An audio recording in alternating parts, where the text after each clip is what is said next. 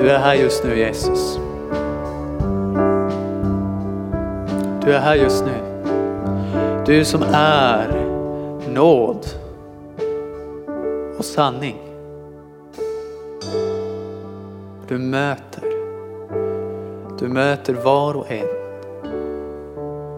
Du har sagt att det är din vilja att varje människa ska bli frälst. Lära känna dig, komma till insikt om din kärlek, din härlighet. Så jag ber himmelske Fader, möt varje hjärta som längtar efter sanning och nåd och kärlek. Som längtar efter dig just nu. Jag ber om mer Fader. Där det har varit 30-faldigt så ber jag att det ska växa. Det ska bli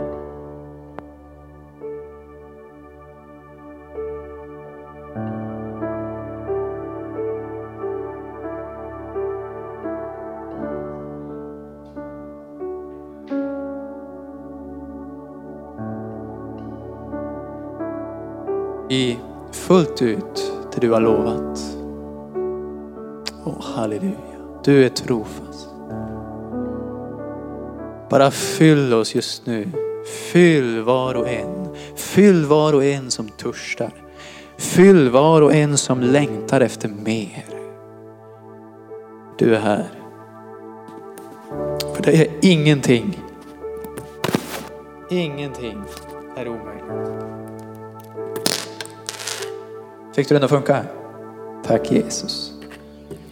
Ingenting är omöjligt för dig. Eller för Göran. Tack himmelske far. Att du är med oss. Att du fyller på. Och jag ber just idag att varje område som har varit torrt, där det har varit dött, där det har suttit fast, ska få lösas ut i namnet Jesus.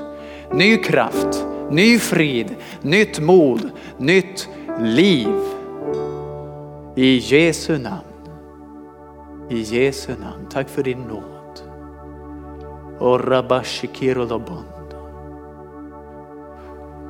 Och jag tackar dig att genom Jesus Kristus har nåd utöver nåd kommit. Och jag bara tackar dig. Ska se. Sådär. Halleluja. Det är gott att vara här. Vad kul att ni som är här har kommit och eh, att ni som tittar där hemma ser det här.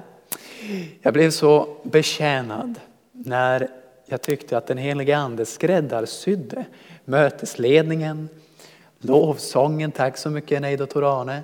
Det var verkligen precis i linje med det som jag själv har hört från Herrens hjärta idag och det jag ska tala om. Jag ska tala om nåd. Det är så underbart med nåd. Det är en helt avgörande grundsten i våra liv och i tro. Utan nåden så når vi inte Gud. Vi, vi, det lät nästan som att vi nåder inte Gud, men vi, vi når inte Gud. Och han har presenterat sig genom nåden. Jag ska börja med ett bibelord från Efesiebrevet kapitel 2.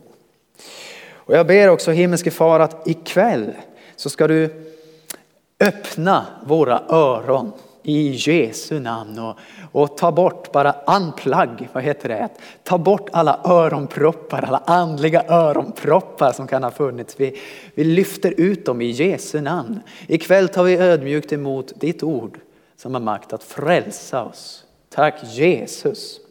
Att varje mur som försökt hindra oss från att komma till dig får rivas ner. För nåden räcker för oss. Nåden är den bro som Gud har upprättat för oss. Nåden är, är som det här bordet han har dukat för oss.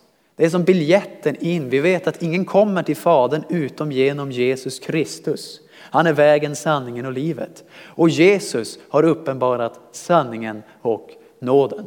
Det kommer bli både sanning och nåd. Från Efesiebrevet kapitel 2 så står det från första versen en beskrivning vad som har hänt med oss. Vad vi var, vad som hände och vad vi nu är. Från vers 1. Också er har Gud gjort levande, ni som var döda genom era överträdelser och synder. Tidigare levde ni i dem på den här världens sätt och följde härskaren över luftens välde, den ande som nu är verksam i olydnadens barn. Bland dem var vi alla en gång när vi följde våra kötsliga begär och gjorde vad köttet och tankarna ville. Av naturen var vi vredens barn, precis som de andra.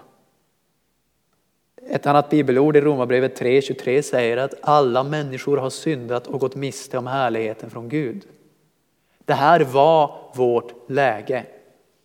Det här var hela mänsklighetens läge. Och då kom Gud. Och då står det i fjärde versen. Men Gud det första som han beskrivs. Vad är hans svar på det här? Vad gör han? Men Gud som är rik på barmhärtighet. Säg rik på barmhärtighet. Det är väl underbart? Rik på barmhärtighet. Tack Jesus. Rik på barmhärtighet. Han var inte rik på straff och dom. Han var inte snabb att slå ner på den som gjorde fel. Han var inte eh, där och hoppade på dem som hade gjort fel. Och vi gjorde precis olydnad gentemot honom. Han var bara god, han har inte förtjänat det.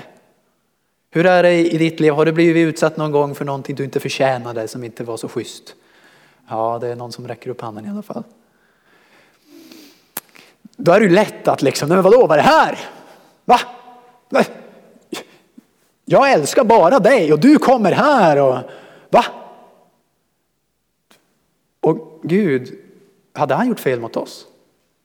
Såklart inte. Men vi svek honom, vi lämnade honom i syndafallet. Och han som är rik på barmhärtighet, då kommer hans presentation här. Han presenterar sig själv. Han har älskat oss med så stor kärlek, även när vi ännu var döda genom våra överträdelser, att han har gjort oss levande med Kristus. Av nåd är ni frälsta. Så det är av nåd är vi frälsta. Han har uppväckt oss med honom och satt oss med honom i den himmelska världen i Kristus Jesus. För att i kommande tider, okej okay, vänta nu, vi, är redan frälsta av nåd. Vi var i ett hopplöst läge, det var kört. Och så kom Gud som är rik på barmhärtighet och med sin nåd så frälste han oss. Okej, bara där, det, halleluja, det räcker. Kan man tycka. Det är, wow, det är ju underbart. Det, är ju, oh, det förvandlar allt. Det var kört, nu är det inte kört. Nu är jag frälst, jag är räddad, allt är bra. Men sen fortsätter det, för att i kommande tider Ja, det, det, det är inte nog, det fortsätter. Visa sin överväldigande rika nåd genom godhet mot oss i Kristus Jesus. Det här är någonting som är så gott att vi inte kan greppa det med våra naturliga sinnen. Vi behöver förnya dem så att de lyder vad anden säger. Men det här är något vi behöver sätta tro till av våra hjärtan, av hela hjärtat så ska vi sätta tro till nåden. Tack Jesus. Åh, vi prisar dig för nåden. Halleluja. Och så står det igen. Av nåden är ni frälsta genom tron, inte av er själva. Guds gåva är det. Inte på grund av gärningar för att ingen ska berömma sig. Hans verk är vi, skapade i Kristus Jesus till goda gärningar som Gud har förberett för att vi ska vandra i dem. Det här är ett sånt här underbart bibelställe. Som jag sa, det visar vad vi var. Vad, vad Guds hjärta var. Lite en presentation av honom. Hur mötte han det? Och det visar ju om vi skulle ha problem i livet igen någon gång. Har Guds hjärta förändrats? Hur lätt är det att tro det? tycker det är väldigt enkelt att man blandar nåden med lite grann av någonting annat. Det är väldigt lätt att halleluja, jag är frälst. Åh, det är så underbart. Nu börjar jag mitt nya liv och så händer någonting dåligt. Vi kanske syndar, vi missar någonting, vi, vi fastnar i någonting, det är någonting som händer mot oss kanske. Då är det så lätt att man helt plötsligt har glömt bort var källan fanns. Det är lite det jag ska prata om idag som är nåd och sanning.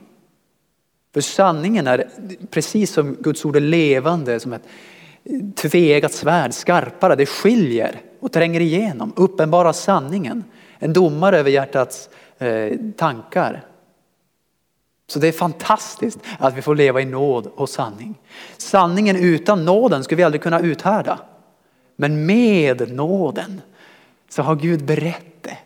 Vi kan få smaka om vi bara kommer ihåg att källan är öppen. Gud är fortfarande rik på barmhärtighet. Han har inte ändrat sin plan. Han har inte ändrat sin plan för dig.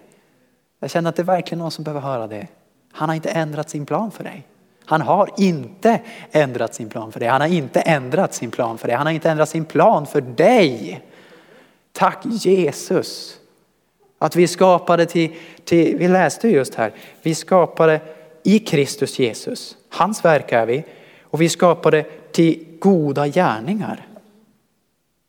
Ja men det låter ju jobbigt. Ska jag behöva gå omkring och göra massa goda gärningar hela tiden?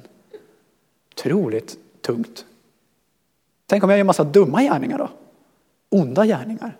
Eller så här, halvbra gärningar som jag kommer på själv men som egentligen inte riktigt blir vad jag hade tänkt. Då finns källan där. Hela tiden finns källan där. Att dricka från nåden, dricka från nåden och fortsätta dricka från nåden. Det är verkligen en livsstil vi behöver varje stund. Det är det som kan, det är den motvikt som gör slut på varje invändning. Tack Jesus för den rika nåden. Det är något som händer när nåden kommer in i våra liv. Det, vi, kan inte vara, vi kan inte vara indifferenta gentemot nåden, alltså oberörda. Antingen är vi i nåden och så säger vi ja. Eller så säger vi nej tack, jag klarar mig själv. Eller något annat sådär. Vi, vi kan inte både dricka från nåden och till exempel, vi kan läsa ett bibelställe i Galaterbrevet eh, 4 tror jag att det är. Ska se här. Mm. Nej, Galaterbrevet 5, vers 4 så står det så här. Ni har kommit bort från Kristus, ni som försöker bli rättfärdiga genom lagen. Ni har fallit ur nåden. Ja, men nyss sa jag att nåden var väldigt stor och hur rik som helst och den fanns alltid där. Vad då falla ur nåden? Och jag tror att till att börja med, man behöver få de här sakerna i rätt ordning. Den första saken som jag tror man behöver få klart för sig, det är att Gud är kärleksfull. Annars kommer ingen annan sanning riktigt att landa för man, man kommer vara rädd för straff. Men när man ser att Gud är kärleksfull, att han älskar dig, man är beredd att ta emot det. Då börjar man också märka att nåden är på riktigt. Man börjar kunna ta emot och vänta nu, han menar nog det han säger när han säger att jag är förlåten. Jag stod inför dom, både genom arvsynden men också genom mitt egna liv. Jag var i en plats, det var helt kört. Och då kan jag få fullkomlig nåd. Det där är en nyckel alltså. Om, om vi inser att det var helt kört, då kan vi ta emot fullkomlig nåd och då blir vi glada. Är det någon som behöver mer glädje? Ja, det är några som, några som vill ha det, några som tar det. Tack Jesus. Jag tror att den fullkomliga glädjen finns i nåden. För nåden är en gåva till oss. Man blir glad när man får en gåva. Om det är en bra gåva. Om det är något man gillar. Och nåd är verkligen den gåvan från Gud till oss. Om vi säger så här.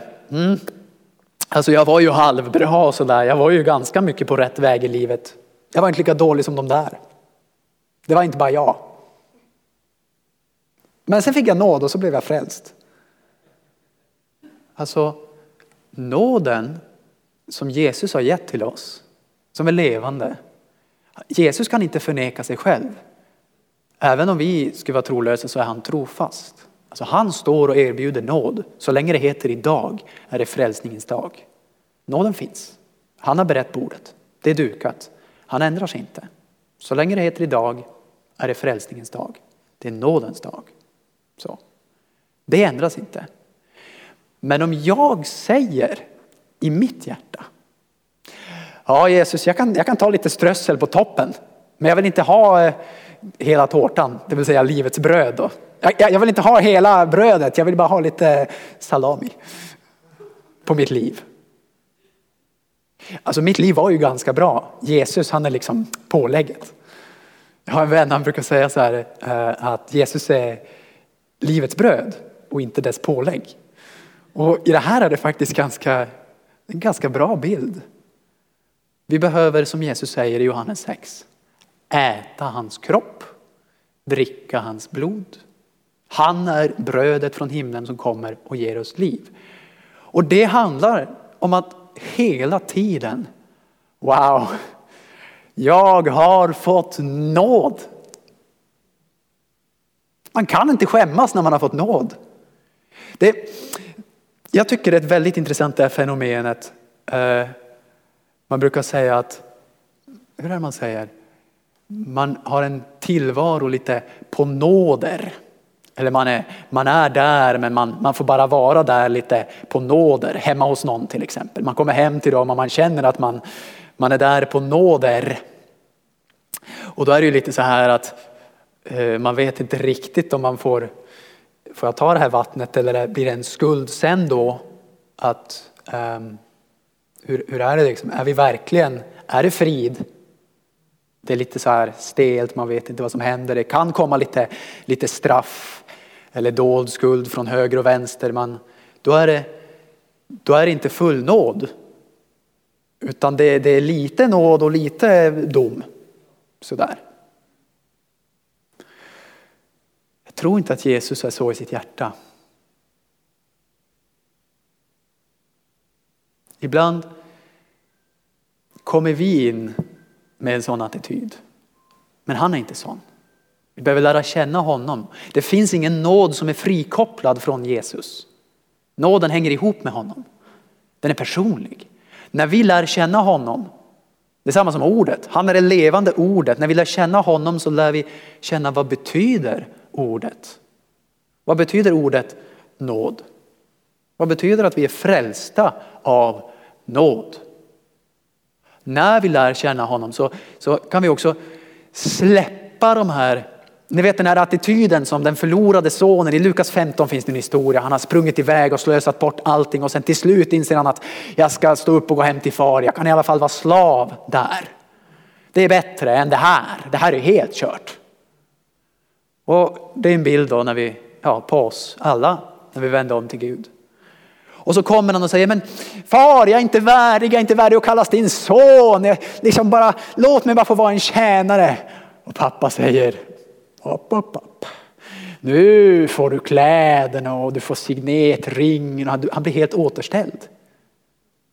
Och jag menar den där förlorade sonen som hade sprungit iväg men nu kommer tillbaka och han, han var osäker på, han, han såg inte vem fadern var. Men fadern visade vem han var. Han var så rik på barmhärtighet. Och sonen ändå så här, hjälp, vad, ska jag, oh nej, vad kan jag offra? Jag måste visa någon pappa någonting, att jag liksom skärper mig lite. Hur ofta gör vi så? Handen på hjärtat. Det händer. Och ibland när vi har haft saker i våra liv, alltså det, allting släpper inte på en gång. Det finns dukat, bordet är klart, nåden är förberedd, det finns att dricka in, det finns att ta emot. Och vi kommer till Jesus, vi blir frälsta och vi har ett medborgarskap i himlen. Pang, det är klart. På grund av vad han har gjort. Det är den rättfärdigheten som sen fortsätter att verka i våra liv. Så att bit för bit kan vi ta av oss den här förlorade sonens klädsel så att säga. Och ta på oss den rättfärdighetens mantel som Gud ger oss. Att ta på oss den glädje som finns i nåden. Att ta på oss den förtröstan som finns i nåden. Att veta att ja men, Gud har förlåtit mig för större saker än det här. Nu kommer jag, förlåt mig pappa. Att vi vågar vara sanna med honom. För hur ska vi få nåd för någonting vi inte är ärliga med?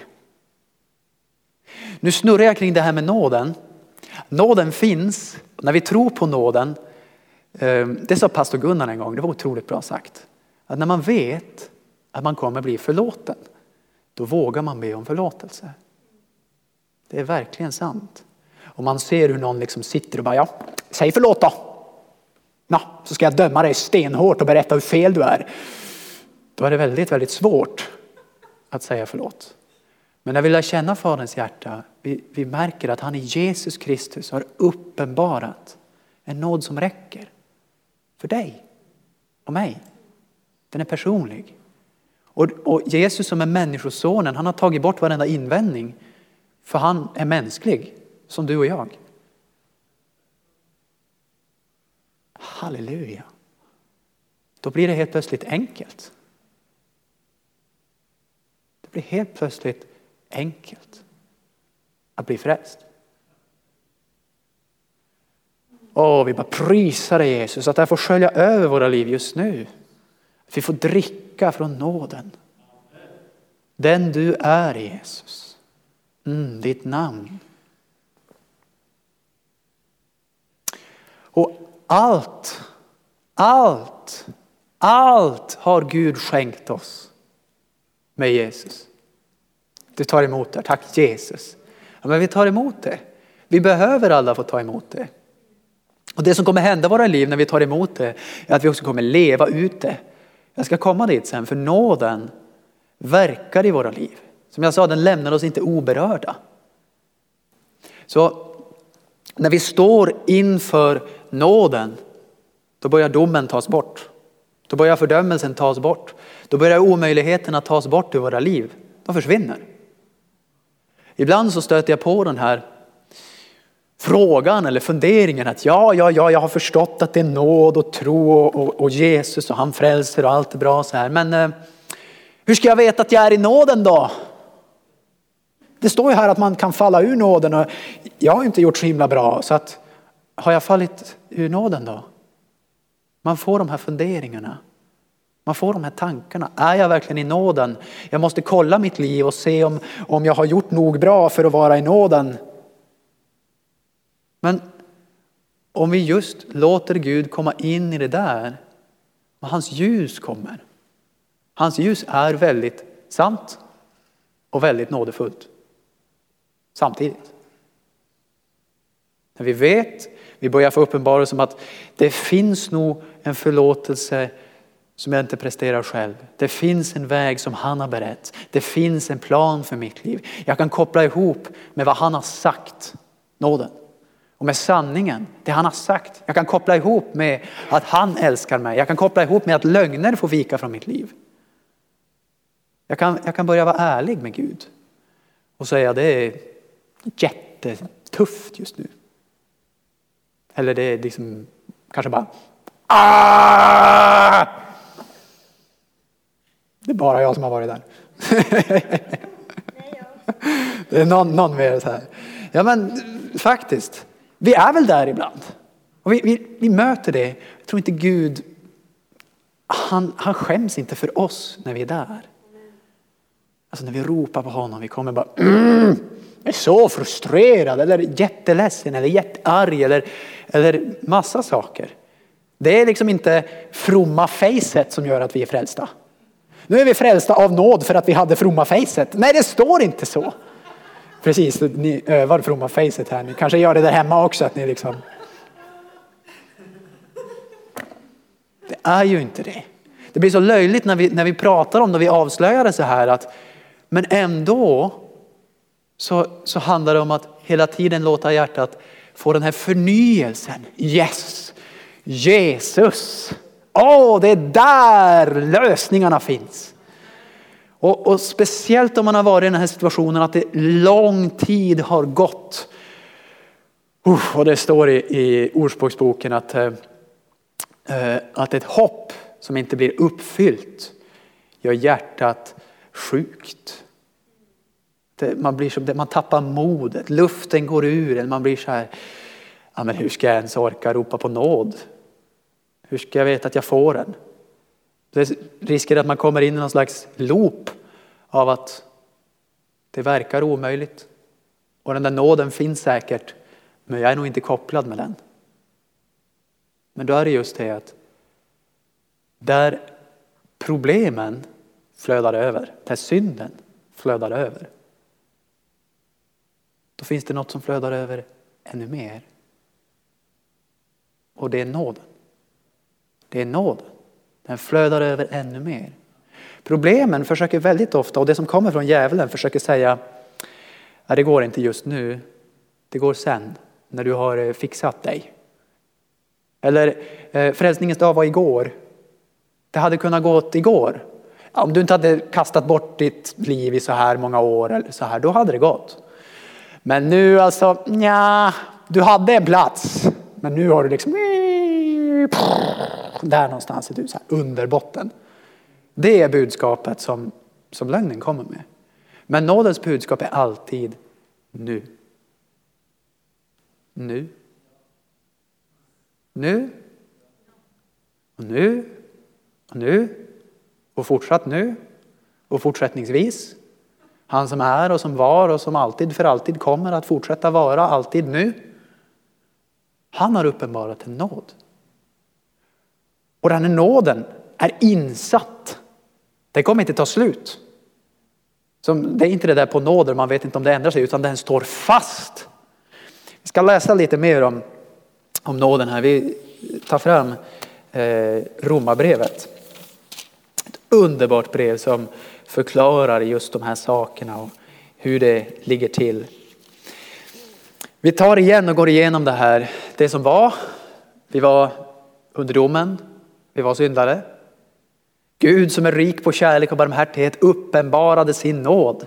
Han hade en möjlighet att nå oss fastän det var kört, fastän vi var skilda från honom. Han gav sig inte, han, hans hjärta bara översvallade i sån rik kärlek. Nej, men jag, jag, jag, jag kan inte, jag klarar inte av att vara skild från dem. Jag bara måste nå dem.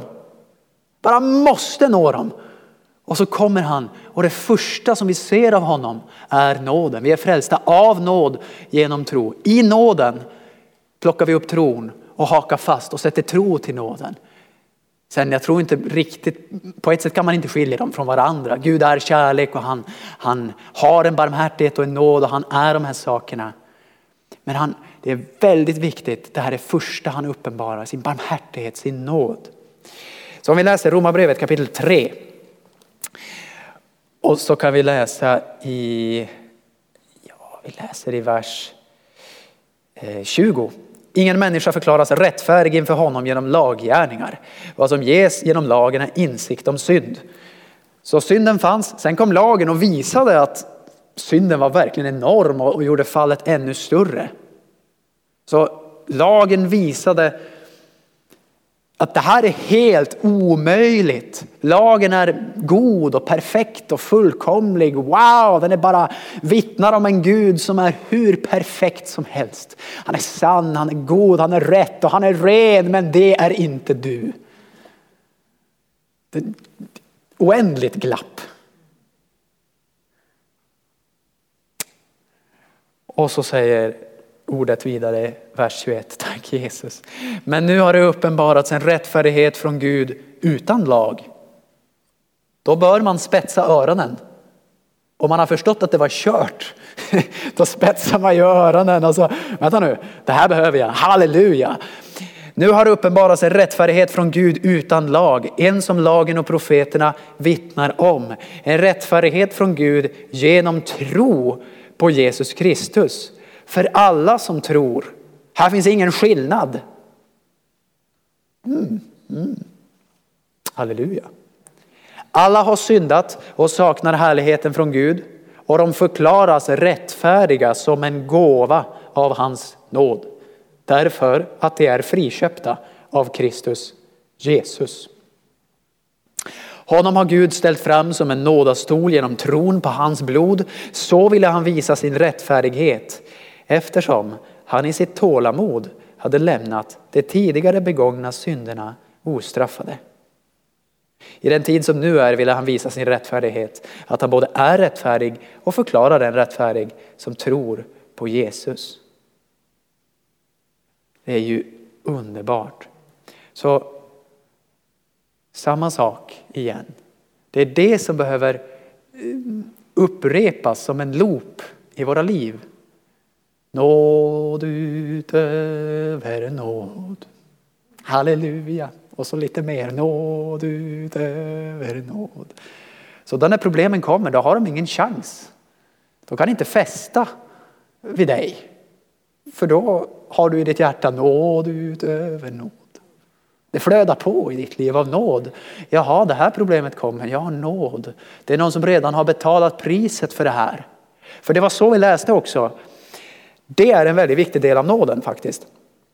Vers 24, de förklaras rättfärdiga som en gåva av hans nåd därför att det är friköpta av Kristus Jesus. Nåden är ju gratis för oss. Men Jesus betalade allt. Så den är betald för. Den kom inte bara lite så här som att Gud skulle ändra sig. Ja, jag är ju helig visserligen och eh, ni har fallit från mig och så. Men alltså min helighet är inte så viktig egentligen. Så att jag, kan, jag, jag ändrar reglerna lite för hur det fungerar och så. Det är inte på det sättet nåden är alls. Det är inte så. Då hade inte Jesus behövt dö.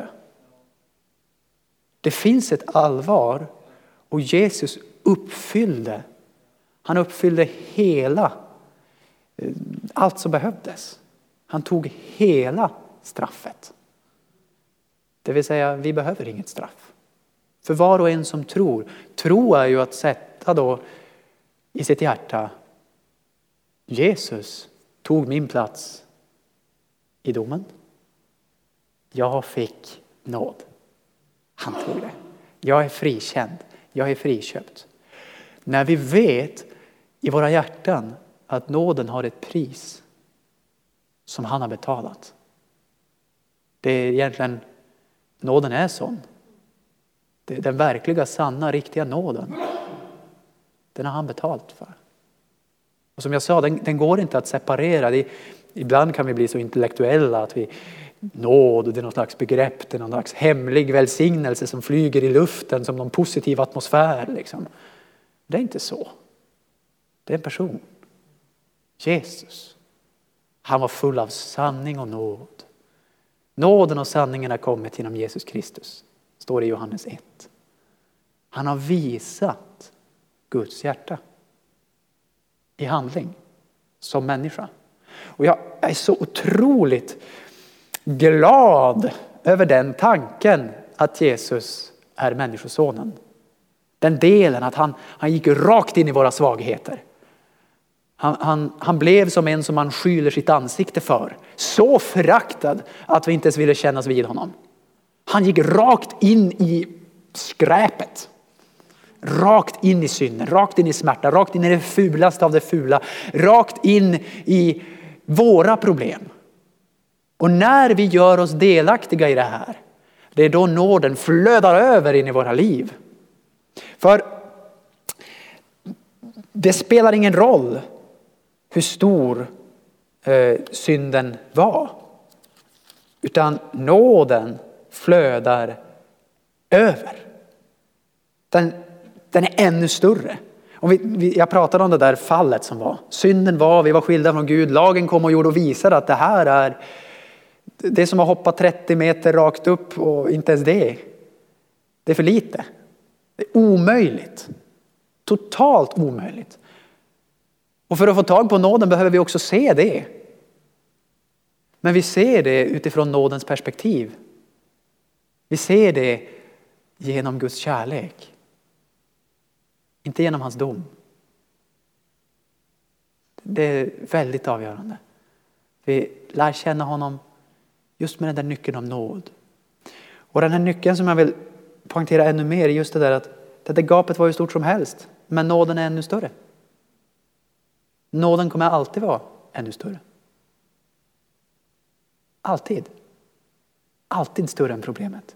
För Jesus har redan löst det. Han har redan betalat för det.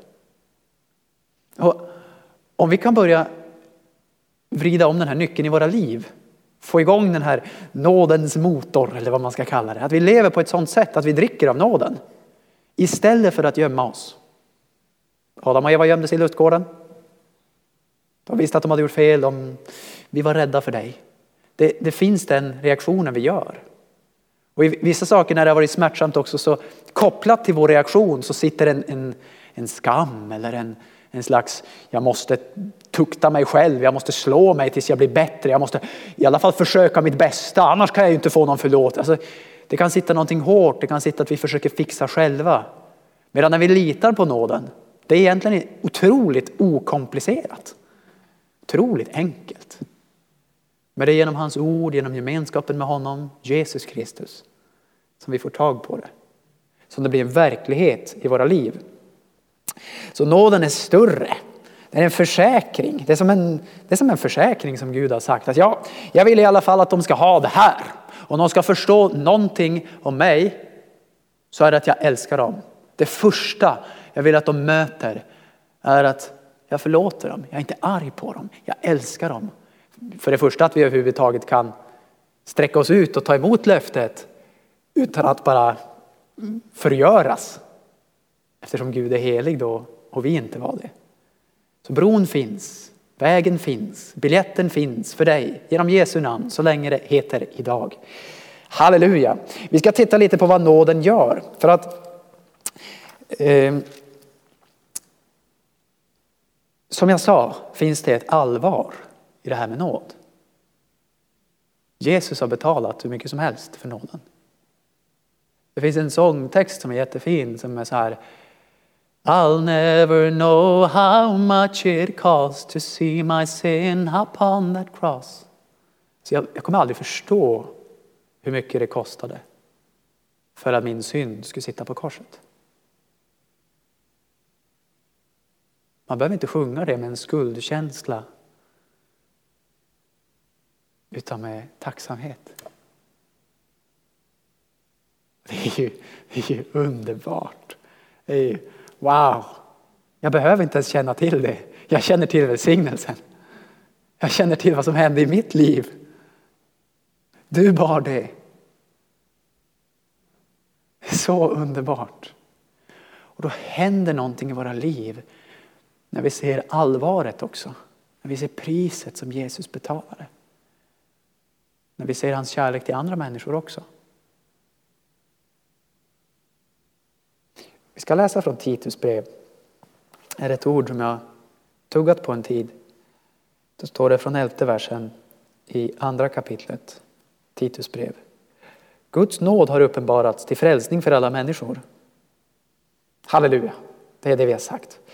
Den fostrar oss att säga nej till ogudaktighet och världsliga begär och istället leva anständigt, rättfärdigt och gudfruktigt i den tid som nu är. Men kanske man säger så här, hallå, äh, sa vi inte nyss att det var nåd? Det där du säger, det låter ju som lag och dom igen. Nu är jag ju inte tillräcklig då. Men vadå, vadå säga nej till ogudaktighet? Jag har ju sagt jättemycket ja. Men om vi tar det från början, i rätt ordning igen. Guds nåd har uppenbarats till frälsning för alla människor. Den fostrar oss att säga nej. Nåden fostrar oss. Ja, fostrar, det låter väldigt obehagligt. Det låter ju väldigt strängt och, och hårt och sådär. Det är nog mycket straff i det. Det är nog lite det där att gör du rätt, då går det bra. Gör du fel, då får du smäll. Men vadå, nåden det där få smäll och straff, det är ju inte förenligt med nåden. Om nåden fostrar oss, då kan det inte finnas i det någon, någon hårdhet. Ett annat bibelställe i Matteus 11 säger så här att Jesus talar och så säger han ta på er mitt ok och lär av mig för jag är mild och ödmjuk i hjärtat. Det är ett bra parallellställe tycker jag till det där. Att nåden fostrar oss. Att bli fostrad av Jesus Kristus är faktiskt fantastiskt härligt. Vi ska inte låta det där ordet fostra eh, framkalla de här bilderna av vad, vad människor ibland vill göra med oss som kommer och tycker att vi inte håller måttet eller vad vi kanske gör med oss själva ibland eller vad vi får en känsla att vi vill göra med andra för att vi ska inte haka upp oss på det utan vi ska säga att det här är Guds verk. Det sker genom nåd. Där priset redan är betalt. Där vi inte behöver bära den tunga bördan längre. Och då fostrar nåden oss. Den kommer att ha ett resultat i våra liv. Ja men resultat, vänta nu Oskar. Resultat. Det låter som lag och krav. Nej, det är nåd. Det är nåd att du får bli fri från ditt beroende. Det är nåd att du får leva i en glädje där du har varit deprimerad. Det är nåd att du får leva med Jesus. Det är nåd och härlighet att du inte längre behöver snatta. Det är nåd och ljuvlighet att du börjar tala sanning. Det är, det är nåd att du börjar se på Jesus och, och, och lever med en förväntan i det saliga hopp som ska bli vårt. Medan du väntar. För så står det också. Det är också på något sätt en produkt av den här nådens verkan i våra liv. Medan vi väntar på det saliga hoppet, vers 13. Att vår store Gud och frälsare Jesus Kristus ska träda fram i härlighet. Det låter ju bra tycker jag. Eller? Det låter ju... Det är svårt att vara nedslagen om det, om det är så bra. Ja, men då måste jag lyckas med att låta nåden fostra mig. Va? Det blir så lätt de där krokarna har hakat fast på olika sätt. Att vi, vi har blivit definierade, kanske som personer utifrån vad vi har gjort, vad vi inte har gjort, vad vi har misslyckats med och så vidare. Men om vi vågar bli definierade utifrån nåd. Wow, jag var helt körd men nu är jag... Eh, man skulle kunna, det finns ett uttryck, jag tror inte att man kanske ska bekänna för sig själv att man är en nolla så här. Men jag läste en gång, det var någon som skrev en bok att man får bara acceptera att man är en nolla i Guds famn. Och jag tyckte det var så vackert. Det poängterar ju då att man behöver inte prestera. Det är inte det det handlar om ändå. Utan det handlar om att vara i Guds famn.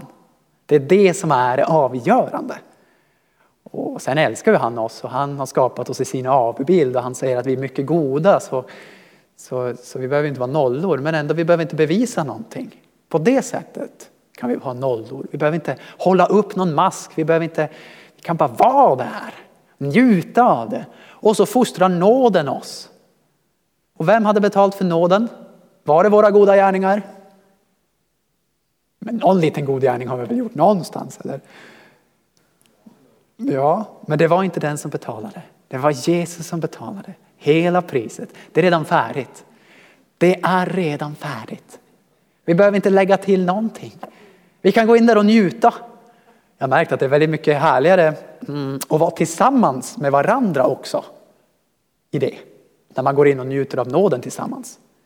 För om man känner att man har bara att det är knappt. Ja, jag är precis förlåten. Jag skärpte mig riktigt ordentligt.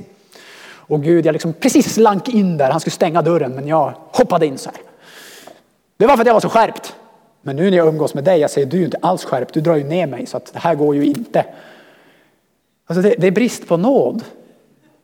Det är brist på nåd. Och väldigt många av, av konflikter som uppstår i våra liv handlar helt enkelt om en brist på nåd. Medan när vi får vara översköljda, när vi får bara dricka och jag behöver mer idag, jag behöver mer än igår. Hej! Tack Jesus, bara fyll på med din nåd. Åh, tack Jesus. Åh, det jag ska göra. Din kraft fullbordas också i svaghet. Jag behöver inte biffa upp mig och visa mina andliga muskler utan jag, jag litar på dig. Du är med mig. Det är ditt verk. Nåden handlar om dig. Då kommer vi ha att ge. Då kommer vi ha att vara generösa. Jag gillar generösa människor. Det tror jag ni gör också. Och det, det finns många sådana här. Det tycker jag är en väldig välsignelse. Det är gott att möta den som har, den som har fått ta emot generöst kan ge generöst. När vi låter nåden fostra oss, varför inte låta den fostra oss generöst? Vi har väl ändå ingenting att visa upp. Alltså, vår egen rättfärdighet var en smutsig trasa inför Gud. Det var ingenting. Vi kan inte sitta där och Det bästa är ju bara vara rak och ärlig med honom. Det kan ta emot lite, det kan svida lite i köttet. Det kan, det kan så här. Men när man vågar vara ärlig med honom så har han ju redan, han har redan sagt vad han tänker göra. Han tänker ge dig nåd. När vi bekänner våra synder då är han trofast och rättfärdig och renar oss. Han förlåter oss över alla synder och renar oss från all orättfärdighet.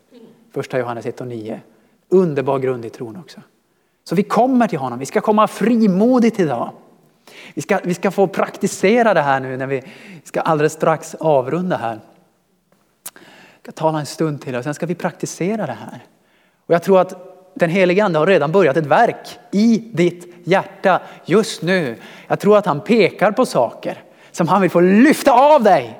Som han vill att du ska vara fri från. Som han aldrig tänkte att du skulle leva under. Och det är möjligt. Det är möjligt. Det som var omöjligt för människan, det som var omöjligt är inte omöjligt för Gud. Det är möjligt. Han har gjort det. Det var så underbart när vi sjöng om det här. Det är möjligt. I Jesu namn har det blivit möjligt. Det är möjligt nu. Det är möjligt här ikväll. Du kan bli fri. Han har betalat för att du ska få leva fri. Den här nåden ska få fostra dig. Och finns det något område i ditt liv som har stagnerat? Där, där Gud har uppenbarat sin nåd och du sa ja, typ, kanske. Eller du sa nej, jag har viktigare saker för mig. jag, jag, tänkte på en sak tidigare, det var så roligt. Lite som att eh, kallelsen och nåden, så här Noa ni vet. Han var en rättfärdig man som fruktade Gud, står det väl. Och så kommer Gud och ska be honom bygga arken. Och han bara, nej nej Gud, jag har inte tid med det här. Jag är så upptagen med att bevisa hur rättfärdig jag är inför dig. Jag måste ta hand om mina trädgårdsland. Jag måste fixa det här. Jag måste visa, jag är ju den rättfärdiga här i landet, det är ganska mycket press på mig. Liksom, jag hör inte vad du säger just nu. Liksom. Och sen så då hade han ju missat hela nåden. Och jag tycker vi ska lägga bort alla sådana mentaliteter. Att vi nu är så pass präktiga att vi inte behöver nåden. Det är, det är en lögn. Det är inte sant. Om det kommer in något sånt. Och det är heller inget krav. Gud ser inte så på dig. Han ser inte, ja nu har jag ju gett dig lite. Nu är det bäst att du bevisar tiofalt det har jag gett dig, det jag har gett dig. Det står att han inte ska skörda mer än vad han har sått ut. Han ger nåd utöver nåd. Han ger mer och mer och mer och mer och mer och mer och mer. Han vill bara få fylla på. Och när vi lyssnar till honom, nu var det som en skämt om det här att han ska komma där och man är för upptagen med sina egna gärningar på något sätt. Vi behöver inte vara det. Då skulle vi ju stagnera. Då skulle vi inte låta nåden fostra oss. Om det finns något område där vi, där vi säger till Gud när han kommer och säger att jag har bestämt, du får nåd. Och så säger vi nej, det går inte. Du vet inte vad jag har gjort. Eller andra invändningar. Um, nej, det går inte för att bla bla bla, för att det, det, det, det, det. Men om sanningen ska fram så går det. Och idag så tror jag att den helige Ande pekar på sanningen i ditt liv. Jag tror att han pekar på att res dig. Res dig min älskade och kom. Res dig. Regntiden är över och sorgetiden är förbi. Att han, han kallar på dig. Han kallar på dig. Att resa dig upp och, och låta anden leda in i det som är frihet, också för själen, också för kroppen. Där helande finns i hans nåd. Där, där han har dukat upp ett bord med feta och läckra rätter för dig personligen. Halleluja, tack Jesus att du pekar på nåden och sanningen samtidigt. Eller hur ska jag säga, du pekar på sanningen med nåd. Du kommer inte för att fördöma, du kommer just för att befria. När, när saker hålls dolda i våra liv så finns det en, en eh, ofrånkomlig tendens att det, att det blir fördömelse. Att det blir lite skam under ytan, att det blir, att det blir en boja som bara drar oss ner och nu ska vi få lägga det åt sidan. Inför Gud behöver vi inte, vi behöver inte vara rädda för någonting. Vi behöver inte ha några fikonlöv alls. Det är ju fantastiskt. Han vet hur han har skapat oss, han vet hur vi är, han vet varje ord innan vi säger det. Han vet vad som är i våra hjärtan, han vet vad vi kämpar med. Och nåden, just det här att han vet det och kan bära det. Man, kan, man skulle kunna kalla nåden för Guds fullkomliga eh, drulleförsäkring. Alltså, eh, han har räknat med all form av eh, dumhetspotential som finns i oss. Alla möjligheter till misslyckanden, de skrev han upp där och det här måste jag betala för i förskott. Och så skrev han den här oändliga listan och så, och så sa yes, nu har jag köpt den försäkringen åt dig. Nu kan du leva livet lycklig. Det är väl underbart? Då behöver vi inte vara rädda. Tack Jesus. Åh, vi kommer fram till nådens tron ikväll Herre. Vi kommer till dig Jesus. Vi vet att i ditt hjärta finns ingen förebråelse. I Jesu namn så bryter jag makten av det som skulle vilja stöta bort. Jag tar auktoritet över varje tanke som inte är sann om dig. För nåd och frid ska vara med oss i allt rikare mått. Jag är allt rikare mått genom kunskapen om Gud och vår Herre Jesus, om dig Jesus. Och vi har fått höra ditt ord och vi ber att det ska landa nu i våra tankar, i våra hjärtan. Vi tar emot din nåd, Herre. Och vi låter den fostra oss. Du har offrat dig för oss, för att friköpa oss. Jag läser vers 14 här i andra Titus. Offrat sig för oss för att friköpa oss från all lagslöshet och rena åt sig ett eget folk som är uppfyllt av iver att göra goda gärningar. Halleluja! Åh, vi prisar dig Jesus för ditt motiv som är bara gott. Nåden är en allvarlig fråga som fostrar oss, som leder oss in i ett nytt liv. Nåden blir inte overksam i våra liv. Nåden ger ett resultat som vi kan lita på.